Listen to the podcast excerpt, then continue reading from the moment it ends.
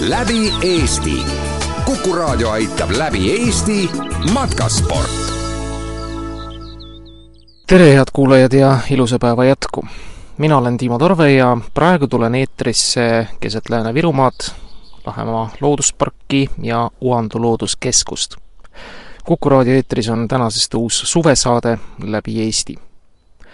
see saade, nagu nimigi ütleb, saab siin öelda metsvindi taustal, viib meid raadiorännakul sisuliselt ühest Eesti servast teise, peaasjalikult läbi RMK unikaalse ja Eesti pikima matkaraja, millel pikkust on kolmsada seitsekümmend kilomeetrit. ma pean ütlema, et idee läbi Eesti rännata on mul tegelikult peas olnud päris kaua, küll pisut teisel kujul ja teisel vormil.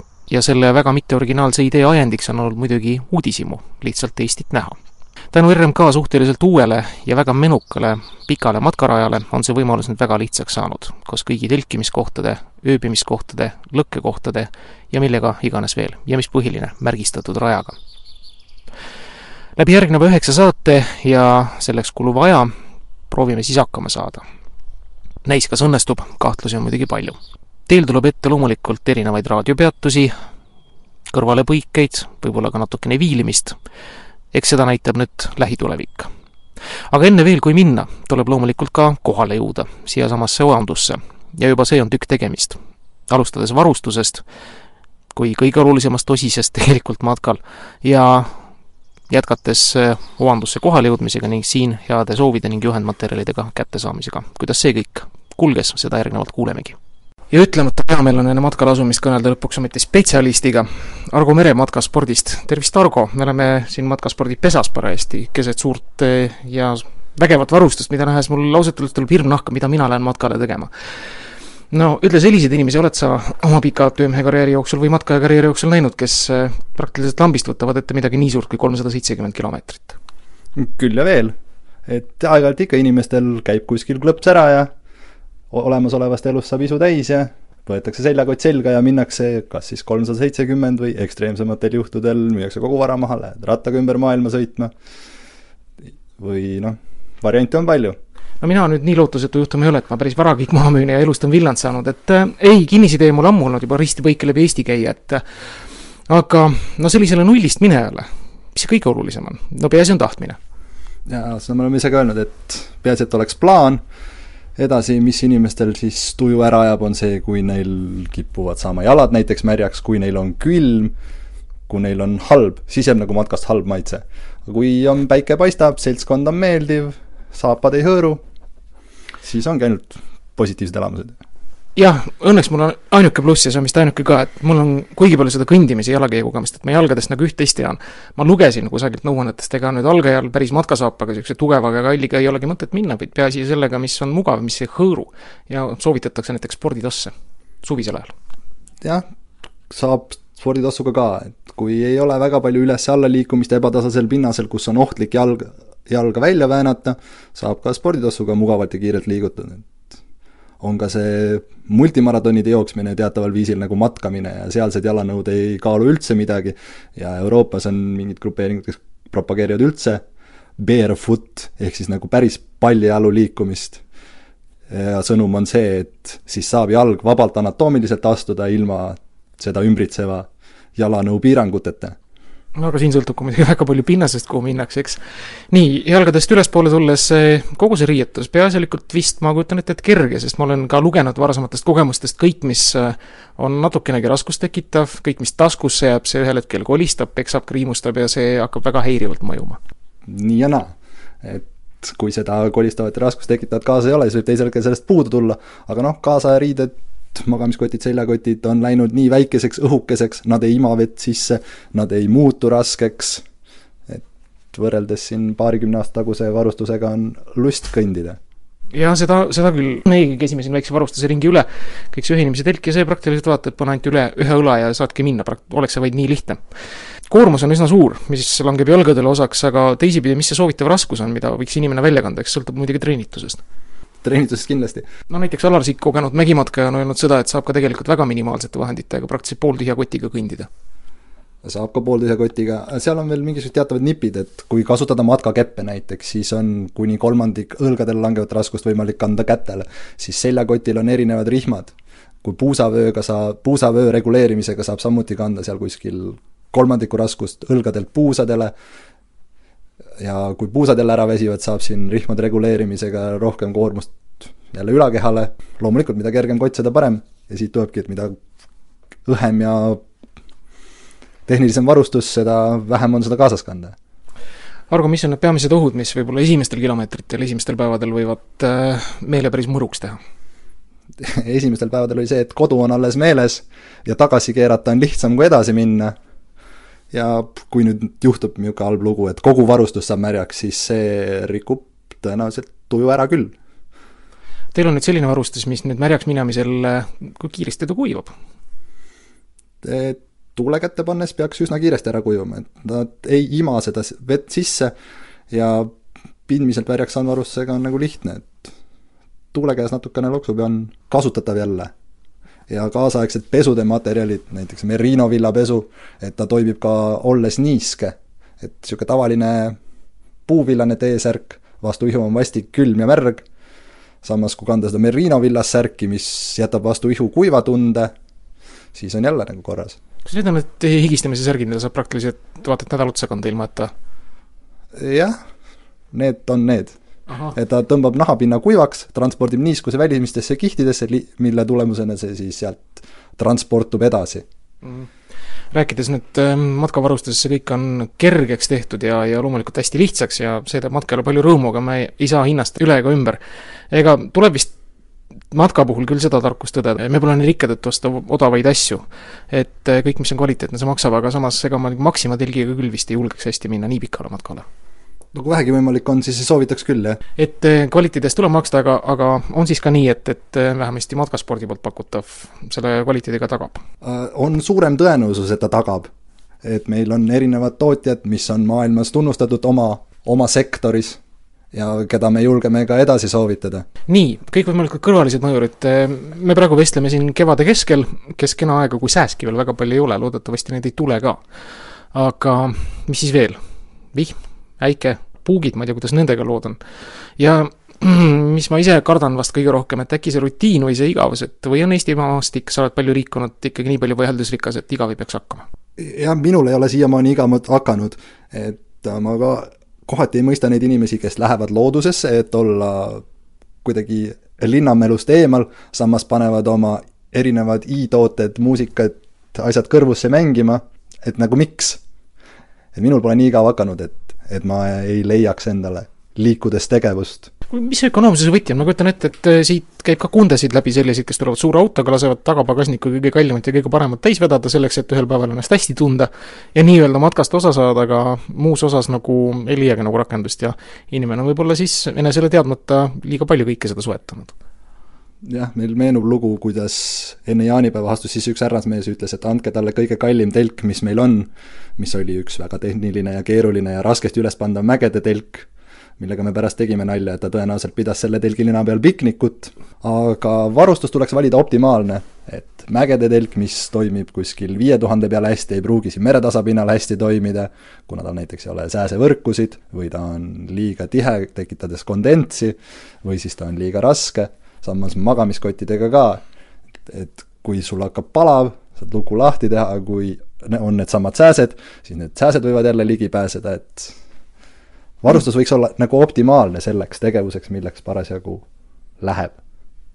sinu prognooside kohaselt, millal nüüd tekib see hetk, kus äh, hakkab matkast see mõnu tulema, kus enam ei taha tagasi keerata, kus äh, lõpuni on minna rohkem maad?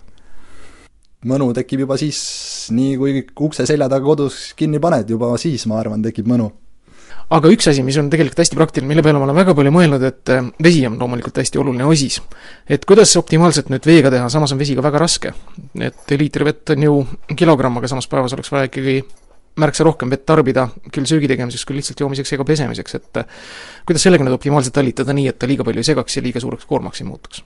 Minul on usku Eestimaa veesse, et see on piisavalt puhas ja et seda saab nagu piisavalt igalt poolt, et üle ühe-kahe liitri ei tassiks kaasas, et kindlasti leidub mingeid kraave, ojasid, talukohti, et see kolmsada seitsekümmend viis kilomeetrit läheb ka läbi raba, et rabavesi on kindlasti puhas.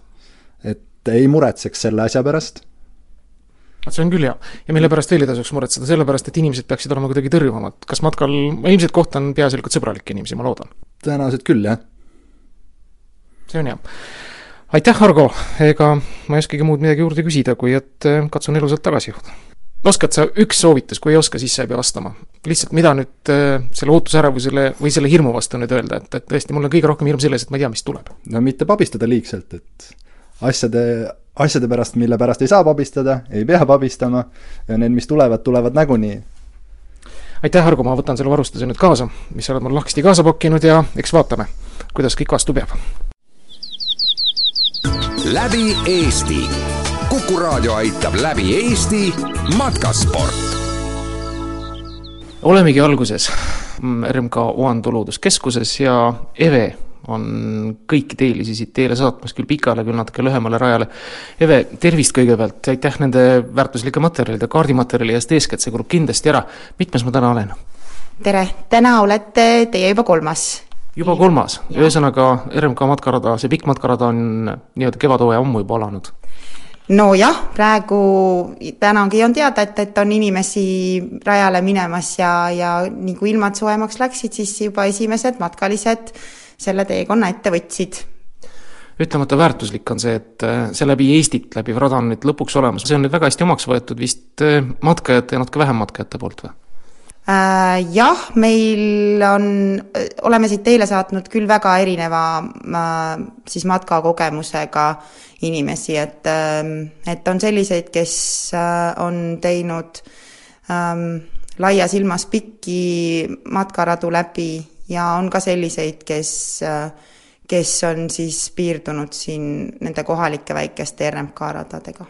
kas on ka selliseid tulnud, kes on kaks kätt taskus lihtsalt öelnud, ma lähen? Ei, selliseid ei ole mina veel kohanud. saaksid nad hakkama ähm,? ma arvan, et, et, ähm, et äh, mingi väike varustus peaks ikka olema kaasas põhimõtteliselt noh, eks see sõltub ju sellest ka, kui nõudlik on inimene või vähenõudlik, et, et kuidas ta lepib nende oludega mm.. milliste sõnadega te tavaliselt inimesi siit teile saadate? Eks ma soovin lihtsalt äh, kõike head ja edu, et äh, ja ega ma muud, muud mõistlikumat ei olegi osanud juurde lisada. olete vahel südant valutanud ka keelega pärast, kui keegi läheb? no alati kõigi pärast valutan et, et, et äh, noh, eriti kui on inimesed, kes, kes ei ole varem käinud noh, sellistel äh, või sedalaadi pikkadel matkadel või kel on väiksem matkakogemus, et, et äh, kuidas, kuidas nad suudavad orienteeruda looduses ja aga noh, inimestel on ju paljudel GPS-id praegusel ajal kaasas, et et, et saadakse hakkama. see matkarada on tähistatud, see pikk matkarada, kui, kui tihedalt ja selles mõttes eksimisruumi kas on või ei ole pigem? Äh, noh, ma nüüd sellest aastast ei tea, et, äh, et, et äh, kuidas, kas, kas on keegi eksinud, aga noh, eelmine aasta küll oli natukene kuulda, et, et et, et seal mõnes kohas tekkis raskusi võib-olla seal Raplamaal.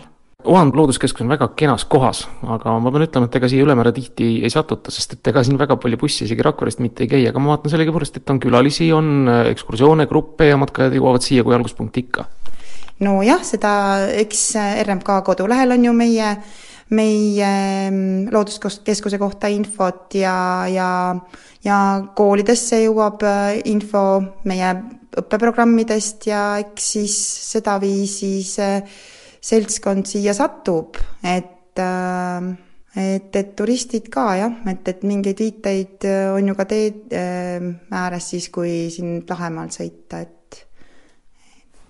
oskate öelda prognoosi järgi, mul on täiesti null matkakogemus varasemast, ma olen elus ööbinud täpselt ühe öö telgis, kui mitme päevaga ma võiks idee järgi läbi teha see kolmsada seitsekümmend, palju on päevakohane või jõukohane ühel inimesel päevas?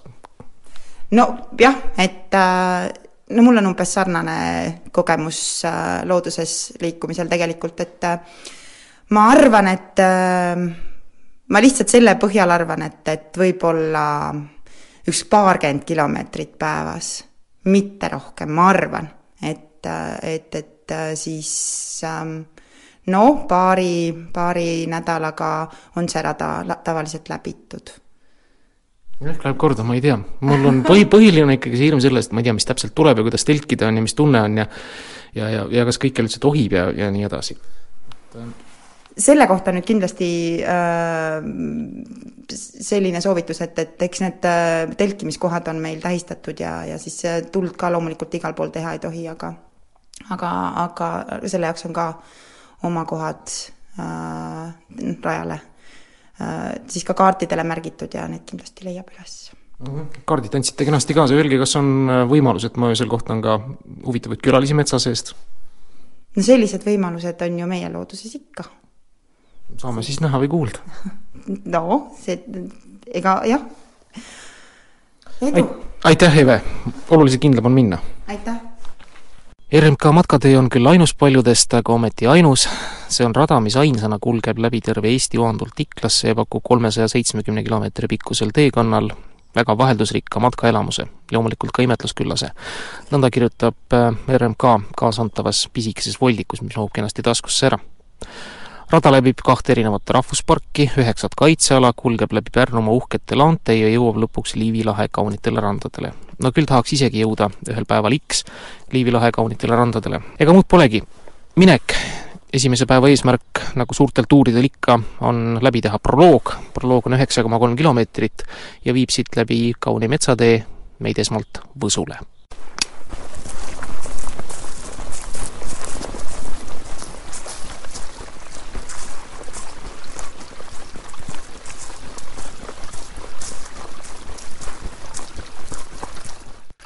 Nii, pool proloogist on läbitud, see on siis umbes viis kilomeetrit. Eesti kõige pikemat matkateed, Oandu-Iklat, piirist piirini, õigemini tal on väga mitu erinevat nime. RMK rajatud matkateed ja arvestades seda, kui palju veel ees seisab, ega ei olekski põhjust ju mikrofoni sisse lülitadagi. aga ma tahaks väga kiita, ma tahaks väga kiita loomulikult eeskätt Lahemaa loodust, no kes seda ei kiidaks, kes siin käinud on, ja ma tahaks väga kiita Riigimetsa Majandamise Keskust, RMK-d, kui mul oli mõningane umbusk selle raja kui sellise märgistuse kohta, siis ma pean ütlema, no perfektne.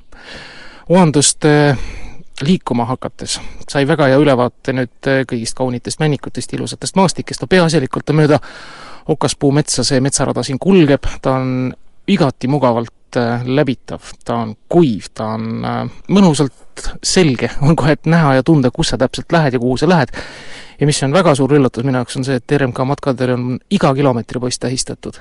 praeguseks ma olen siis täpselt viienda juures. ja see teeb küll matkamise ütlemata otse ja mõnusaks koju kätte, ka kõigile algajatele, kõigile neile, kel GPS-i käepärast ei ole. on, mida vaadata, oleme siin möödunud Oandu maastikukaitsealast ja siis jäi tee peale üks silt, mis näitas, et Esku reservaat liikumine keelatud ja sellest sildist ma siis liikusin hästi kiiresti hoopistükkis eemale. aga tõesti, matka algus on muljetavaldav ja millega on loomulikult väga vedanud, on see, et ilm on pidanud ja kardetud äikesevihma pole siiakanti jõudnud. nüüd ma kindlasti sõnasin selle ära. aga jätkame.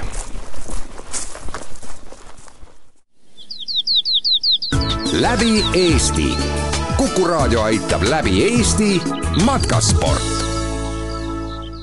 nii, üheksa pool kilomeetrit Eesti pikimat matkateed on selja taga ja kui oled Võsu külje all, siis ei saa loomulikult Võsule sisse astumata jätta. teekond kulges huvitavalt ja nüüd on siis Võsu nautimise aeg. pärastlõuna kulus kõik sellele, läbi sai käidud kõik võsumaalilised väikesed tänavad, ka peatänavad, kus nägi ühte suurt tribulist hoonet, ma kahtlustan, et see on Võsu spordihoone, loomulikult rand, kus koristamine käis ja Võsu keskuses oli ohtralt rahvast. oli nii noori, neid oli oluliselt rohkem ka neid, kes poe juures omi asju ajasid. ehkki oli ka neid. aga kui küsida, kellega Võsult rääkida, siis kõik suunasid Aia tänavale Eha juurde. ja Eha ongi lahkesti vastu võtnud. Kuku raadio saate Tervist, Eha! tervist, tervist! Eha, kuuldavasti te olete Võsu külavanem? jah, külavanemaks kutsuvad, aga ametlikult alevikuvanem. alevikuvanem. suur alev.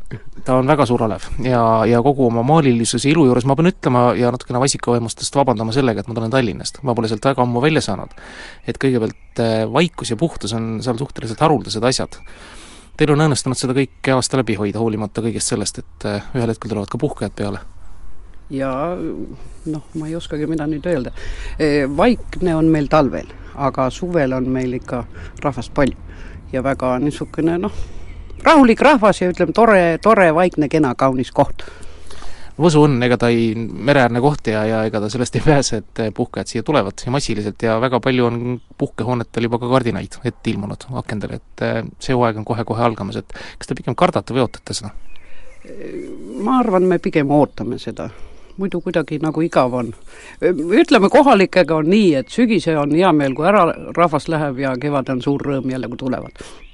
jaa, te olete eriline inimene, ma vaatan praegu teie aeda, teil on kõik on nii kaunis ehtis ja kõik on nii maitsekas ehtis, alustame sellest sohvast, mille te olete teinud mätastest, kus kasvab muru, murusohva noh, kusagil ma nägin midagi, mis nagu kujutas sellist sohvat ja, ja siis sealt tuli idee ja tulin koju ja hakkasin tegema ja hommikul alustasin, õhtaks oli sohva valmis murumätastest. kuidas see teostus käis? Raami võtsite ikka toasohvalt? Ei, kõik on äh, looduslik materjal, ütleme, tal on see raam tehtud nagu kividest ja siis murumättad peale pandud. no kuidas ta nii naturaalne välja näeb ja tool ka sinna juurde ma ei oska selle kohta öelda. ja see on sohva, mida tuleb niita? jah, see on sohva, mida tuleb niita ja, ja kord nädalas. ja ütlesite, et nägite seda kuskil järelikult maailmas kusagil on taoline asi veel olemas, aga Eestis ma ei usu ma ei ütleks, ta ei olnud sohva, ta nagu kujutas sellist, et andis mingi idee või mõtte ja sealt tuli nagu idee, et selline asi teha. No.. nii, ja siis see eripärane onu Tic-Taci ratas, mis on Volvo hinnaga müügis, nagu ma kuulsin, kus esiratta moodustab siis pooleteist meetri see läbimõõduga, selle suure diameetriga ratas ja taga on siis natukene väiksem osa? No esimene ratas on see hobu, mis ta on, hobureha ratas ja siis on seda nõukogudeaegset nostalgiat mingist vanast sääreväristajast ja siis on veel noh, nooruslikud lapsevankrirattad ja nii ta kokku sai. jaa, ega te aiakujund ei ole hariduselt juhtumisi? ei ole kahjuks, ei ole. aga võiksite küll? no võiks jaa, ma tegelikult olen hariduselt kehalise kasvatuse õpetaja treener. ahah ja, ja, ja kust see nii-öelda aia, aiaga nikerdamise huvi-hobi, kust see tuli? ei oskagi öelda, lihtsalt noh, tahaks midagi teha. eks siis noh, ruumi ja aega on, miks mitte. aega on, õpetajal ka? noh, õpetajaga on ka nagu möödas, eks siis saab juba pensionipõlve peetud mm. -hmm. Te tulite kalalt, kuidas saak oli? E, saak kalamehel, noh, nägime. aga kätte ei saanud mm. -hmm. jah. kesine aga pole hullu, paari nädala pärast saab kala ka. ja kõike seda jõuategi siis, see ongi see kuldne pensionipõlv, mida väga paljud tahaksid? noh, eks jõudma peab veel palju, eks mul ole neid ühiskondlikke kohustusi ka väga-väga-väga palju. mida kätkeb endasse Aveli, Aleviku vanema mm, amet, kas on seesama lugu, et tuleb aeg-ajalt poe juurde minna, manitseda võib-olla, et puhkajate ees nii ei sobi, või siis ajada tõesti konkreetselt Aleviku asju, miks ei ole teed siin, miks ei ole teed seal, te olete ka vallavolikogu liige vist?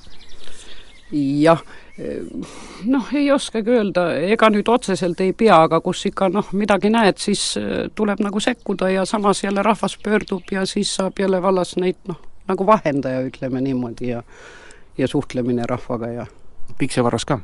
noh, seda ka jah, seda ka jah kuidas siin on, see tundub nii maaliline ja nii idülliline ja, ja sedavõrd palju värvilisi maju ka ma nii väikses kohas pole näinud. Just kirkalt värvilisi maju. et äh, on siis seda pikservarda rolli vaja nagu tihti võtta või saadakse omavahel ikka väga hästi läbi?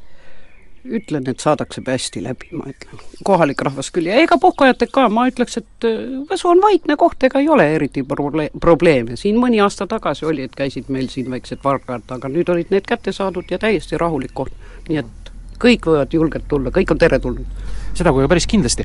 ja veel mõned aastad tagasi, siis kui siin oli ka üks kuulus ööklubi, mul isegi ei tulnud ta nimi meelde, kas siis oli sama rahulik? Te mõtlete seda Seitsmendat taevat? jaa, ei, see toimib praegultki tõsi ka? jaa, ikka. see varsti ongi avamine, ta on nüüd nädalavahetustel. noh, eks need noored käivad, aga Võsu on kord selline koht, kus e, lõbutsetakse ollakse, võib-olla on natuke rohkem lärmi, aga aga see peabki nii olema. jah, mina igatahes olen selle poolt ja suvi olgu puhkus ja lõbu. kas äh, Võsuga on nii, et meri annab, meri võtab? ehk siis äh, kuidas see andmise pool on? kahtlemata ta läbi puhkajate turistide annab, majutuskohti on siin ütlemata palju, kas või sel lühikesel teekonnal Metsatänavalt siia, kas ma nägin nelja? üks neist avab ka veel uksed, sellise postihostel mm. -hmm. aga, aga nüüd see muu osa, mis nüüd merega seondub, ehk siis see kalapüük, te käisite, ma usun, harrastajana? jah, mina olen väike kalaharrastaja lapsest saadik mul seitse venda ja vendadega koos kasvanud ja siis noh, on see pisik sisse jäänud, aga üldiselt eh, jah, kohalikud käivad merel ja, ja ega nad ei kurda. ikka, ikka kala liigub. kala liigub, aga eh, muuseas, meil nüüd on suur rõõm öelda, et varsti saame omale Võsule sadama, nii et kalapüük läheb veel suuremasse hoogu, nii kui ta oli. kus see sadam rajatakse? sadam rajatakse, no kui nüüd eh, nii umbes ligikaudselt öelda, siis sinna, kus algab Võsu jõgi. see on mere, noh, seal jah, kus va-, kunagi varemgi sadam oli, ütleme aastakümneid tagasi. ja kui sadam tuleb, siis tuleb ka loomulikult töökohti juurde, ega siin, kuidas siin tööga on üldse, kus, kus need mehed käivad, kes poe juures ei istu? Üldiselt ega meil neid poe juures istujaid enam ei olegi, mõni üksik, meil on siin möödunud aastal oli korralik konstaabel, kes ajas selle asja nii korda, et seal pole enam praktiliselt mitte kedagi. aga töökohtadega, põhiline töökoht on pood ja siis on väike õmblusettevõte ja siin kõrval Vergis on ja ja noh, eks siis mehed on Soomes ja naised on kodus. ja Soomes olijaid on palju? ikka on, ikka on, kahjuks jah, nii see on, jah no see on paratamatu, ma usun, et see pole ainult Võsule nii väga omane. Rakveresse ja, ja muudesse, see on, Rakvere vist ongi kõige lähem tõmbekeskus või? jah, meil kohalikul on niisugune ütelus isegi, et kui sa tahad kellegagi kokku saada, siis meie Rakvere Põhjakeskusesse, seal trehvad kõiki ja saad oma jutud ja asjad aetud ja seal vastupidi Rakverest öeldakse, et noored tulevad nädalavahetusel siia, sest siin on ju kihvt ja, ja ma ei jõudnudki poe sabas mitte ära seista, vaadates neid noori, kes seal millekski valmistusid, äkki oli seal kuskil mingi pubidisko, ma nägin silti ka jah, eks see pood, väike probleem meil suvel igatahes on, et rahvast on palju ja pood on väike, aga noh, saame hakkama, ega me ei kurda, olete te Õleks siin elanud? ei ole, mina olen noh, nelikümmend aastat tuleb nüüd Lõuna-Eestist pärit, nii et sai nagu mere äärde tuldud Läti piiri äärest. oleks kaugemalegi läinud, aga näe, ei saanud, meri oli vastas seda küll. jaa, aga no praktiliselt siis võib öelda ikkagi elupõline üldiselt jah, tähendab, vana-vanaisa oli juba siin ja, ja ikka nagu ikka juurtega Võsul mm.. vot talvel pole isa sattunud, aga kui sünge või kui helge ta siin talvel on, kas sama helge kui näiteks praegusel aastal, kõige ilusamal? talvel on jälle omamoodi, ütleme, see meri on talvel väga ilus, kui need suured jää, jääkuhilad tulevad ja see Käsmu vaade ja ja vaikus ja rahu täielikult ja Männimetsa lõhn ja tulge ja vaadake ega mu-, ega muud üle ei jää praegusel hetkel. nii, ja noori jagub, seda, seda oli näha kõigepealt ja, ja vot kuidas kooliga, teie kui endine pedagoog? kool on meil täiesti olemas, kahjuks lapsi on küll vähe, mingi kuuekümne kanti või aga, aga täiesti toimiv ja, ja niisugune tubli kool, kõik, kes Võsu koolist on läinud, ei ole kusagile hätta jäänud, nii et haridustase on meil kõva. väga tänan teid, Eha, vastu võtmast! Vihulale või, ja vallale ja eeskätt Võsule loomulikult palju edu ja jõudu ja rohkelt külalisi ja rõõmu! ma tänan ja ma tahaksin veel öelda, te ütlete, et meil on väga ilus vallamaja, tulge siis, kui päike looja läheb. see on võrratu. seda ei oska seletada, seda peab ise nägema, kui ilus seal on. läbi Eesti. kuku raadio aitab läbi Eesti matkasport. matka teine päev ja enne Võsult äraminekut ja ootame poe lahti tegemise aega. aga et aega parajaks teha, siis Võsu bussijaamas on üks härra istumas, tervist, härra! mina olen Timo, kellega mul on au? minu nimi on Taavi Teenbas. ma olen siin, siin elanud eh, eelmise sajandi, see siis oli, see oli noh, pidevalt tulin kuuekümne neljandast aastast tulin siia Võsu kooli eh, õpetajaks. muusika ja eh, kehalise kasvatuse õpetaja, aga mind, mind pandi hiljem õppealajuhatajaks, nii et ma laulmistunde andsin, aga rohkem mul tunde polnud. muusik, pedagoog ja Võsu inimene, see kõik viitab ühele, et te pidite tundma ka Georg Otsa? jah, tundsin küll, tundsin küll ja, ja vaata õpetajal on niimoodi, tema on suvi vaba, nii et mina olin siis, siis suvel oli noh, puhkus, pikk puhkus. Ja Georg Ots kutsus, kutsus oma naabrimehe sinna Vambula tänava lõpus nad elas, elasid sinna, et see teeks kivimüüri ette, mere poolt tuli nii palju seda liiva, tema loovi, hoov oli kogu aeg liiva täis. ja see naabrimees oli tal kekkis, oli brigadir tema sai oma objektilt, jäi tal nii palju neid silikaatkive üle, et tõi paar koormat sinna otsa juurde, aga noh, need oli, need olid vaja müüriks teha ette ja siis see müür oli veel tarvis ära krohvida, muidu otsa maja on puumaja, ei sobi see kivimüür sinna ette. ja mina sel ajaks eesõna ehitustööd suurt ei osanud, aga ma noh, terve mees ja jõudu mul oli, nii et mina tegin temale segu ja viisin temale tööd ette ja see naabrimees, nüüd ta kahjuks surnud juba, Kalju Iisup oli ta nimi, tema tegi sinna siis müüri, see müür on praegult alles seal.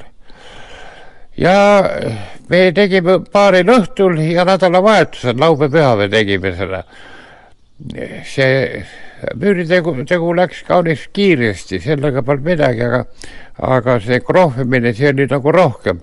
see, siis tuli, läks moodi see prits krohv, nii et tuli ennem see segukord niisugune alla panna, üks sentimeetrine ja siis tuli peale, peale, siis tuli teha hästi vedel segu ja ämbriga viisin talle ette või selle käruga viisin ka ja siis ta tegi niisuguse nagu luua või noh, ütleme viha, viht kastis selle veha sinna sisse ja siis niimoodi tupsutas selle, selle müüri üle.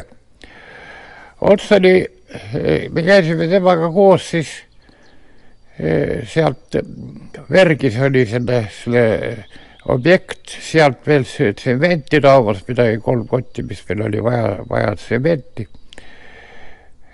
otsa otsal oli Volga ja ise oli roolis ja ja ise võttis sellest tsemendikotist kinni ja ega tema, tema niisugust lihtsat tööd, tema ei põlanud mitte, tema pani ise käed külge, on vaja midagi tõsta või siis ütle, ütelge temale, tema tuleb kohe appi. kuulge, viiskümmend aastat saab teil järgmine aasta täis ju, Võsul elamist, et äh, Võsu, mulle tundub tänasel päeval siin ringi jalutades on selline küll ajuta koht, et ma usun, et ta viiskümmend aastat tagasi võis umbes täpselt samasugune olla inimeste poolest ja majade poolest ja selle poolest, meri lähedal ja kõik. noh, ega meri pole muutunud jah, meri on, on kogu aeg siin olnud, inimesi oli palju, sel ajal, nüüd on, nüüd on juba mai lõpp, hakkab tulema, praegult on inimesi väga vähe ja sellel kellaajal nüüd kümne pärast on kümme ja poekaupmeest läheb see siis oli ikkagi, need kauplused juba töötasid kella kaheksast hommikul. rahvas kõndis siin, siin tänava peal. sel ajal oli, oli sealt Venemaa poolt oli palju turiste, kes, kes siin ööbisid ja siin siis, siin puhkekodu söökla neid toitlustas ja päeva nad sõitsid jälle kuhugi välja, kas, kas äh, siia Ida-Virumaale või kusagil käis ringi ja ööseks tulid siia jälle tagasi. Need olid, olid, olid Venemaalt turistid. Nad, nad olid ka kaubast huvitatud, ostsid toiduained siit kaasa endale, Venemaal oli, oli vist raske neid kätte saada, neid toiduaineid. praegult on, on vähe ja noh, turisti puhkeajast üldse ei ole, puhkekodu ju ei tööta enam ja puhkekodumaju on, on nüüd lammutatud juba siin palju ja, ja äh, praegult ei ole, ei ole võrreldav sellega, mis nüüd ütleme, ütleme kolmkümmend, nelikümmend aastat tagasi oli. Kas te tunnete inimestest puudust ka? no ega siin tööd, tööd pakkuda ka ei ole. praegult on siin vald, vald juhib, vallavalitsus on see Vihula, Vihula vald, see endine see puhkekoduklubi, see on, on meie vallamaja. see töötab seal ja nemad võtavad noh, selle oma kommunaalosakonda võtsid mehi ja aga palgad, palgad on nigelad ja aga siin siiski koristaja, koristaja siin talvel käis ikka kogu aeg kella kaheksast tööle, aga nüüd ei paista, ei paista üldse olevat. aga, aga rahvast vähe ja ja rahva, rahvas, kes on, need on noh, vanad pensionärid, ega nendel on jälle raha vähe ja ega need, need pubides ei käi. rohkem, rohkem niisama kõnnivad ringi looduses ja, ja aga seal klubis, klubis töötab, seal lavastaks näidendit, meil on üks, üks endine kooliõpetaja on on, kes nende näidendeid, näidendeid lavastab siin, neid on ikka kaunis tihti tuleb. ja sel aastal siin nädal, nädal tagasi või rohkem oli, oli üks uus lavastus need tuli välja. ja nad õpivad, aga need osavõtjad on enamasti pensionärid, pensionäril pole midagi teha, siis naised teevad rahvatantsu ja, ja siin siit Võsult väljast, see on Võhma. Võhmal, seal on pensionäride need rahvad, seal nad käivad proovidel, seal on mitu, mitu rühma. naiste, naiste rühm ja siis on niisugune segarahvatantsurühm ja Vihula, Vihula mõis on praegult, praegused omanikud töötavad, töötavad agaralt. seal käib rahvast palju, eelmine nädalavahetus oli, oli Vihula see ava, avapidu oli päeva aeg laupäeval, seal ma käisin ka, väga huvitav. oli seal, seal on töötavad laudad, nii et tuuakse, tuuakse lapsedki niisugused veel väiksed, kes veel koolis ei käi. Tädi, tädi näitab mäe, mäe, lähevad lambaid katsuma, siis on seal, on seal küülikud ja kanad ja suuri, noh, kitsed vist ka pidid olema, kitsi ma ei näinud. vahepeal on bussijaam või bussipeatus siin täienenud veel eakate inimestega, kõik ootavad poe lahti tegemise aega või bussi ootate? jah, buss ootab, praegult peaks tulema Rakvere buss, peaks tulema nüüd, nüüd kohe üks viie minuti pärast siia sisse tulema.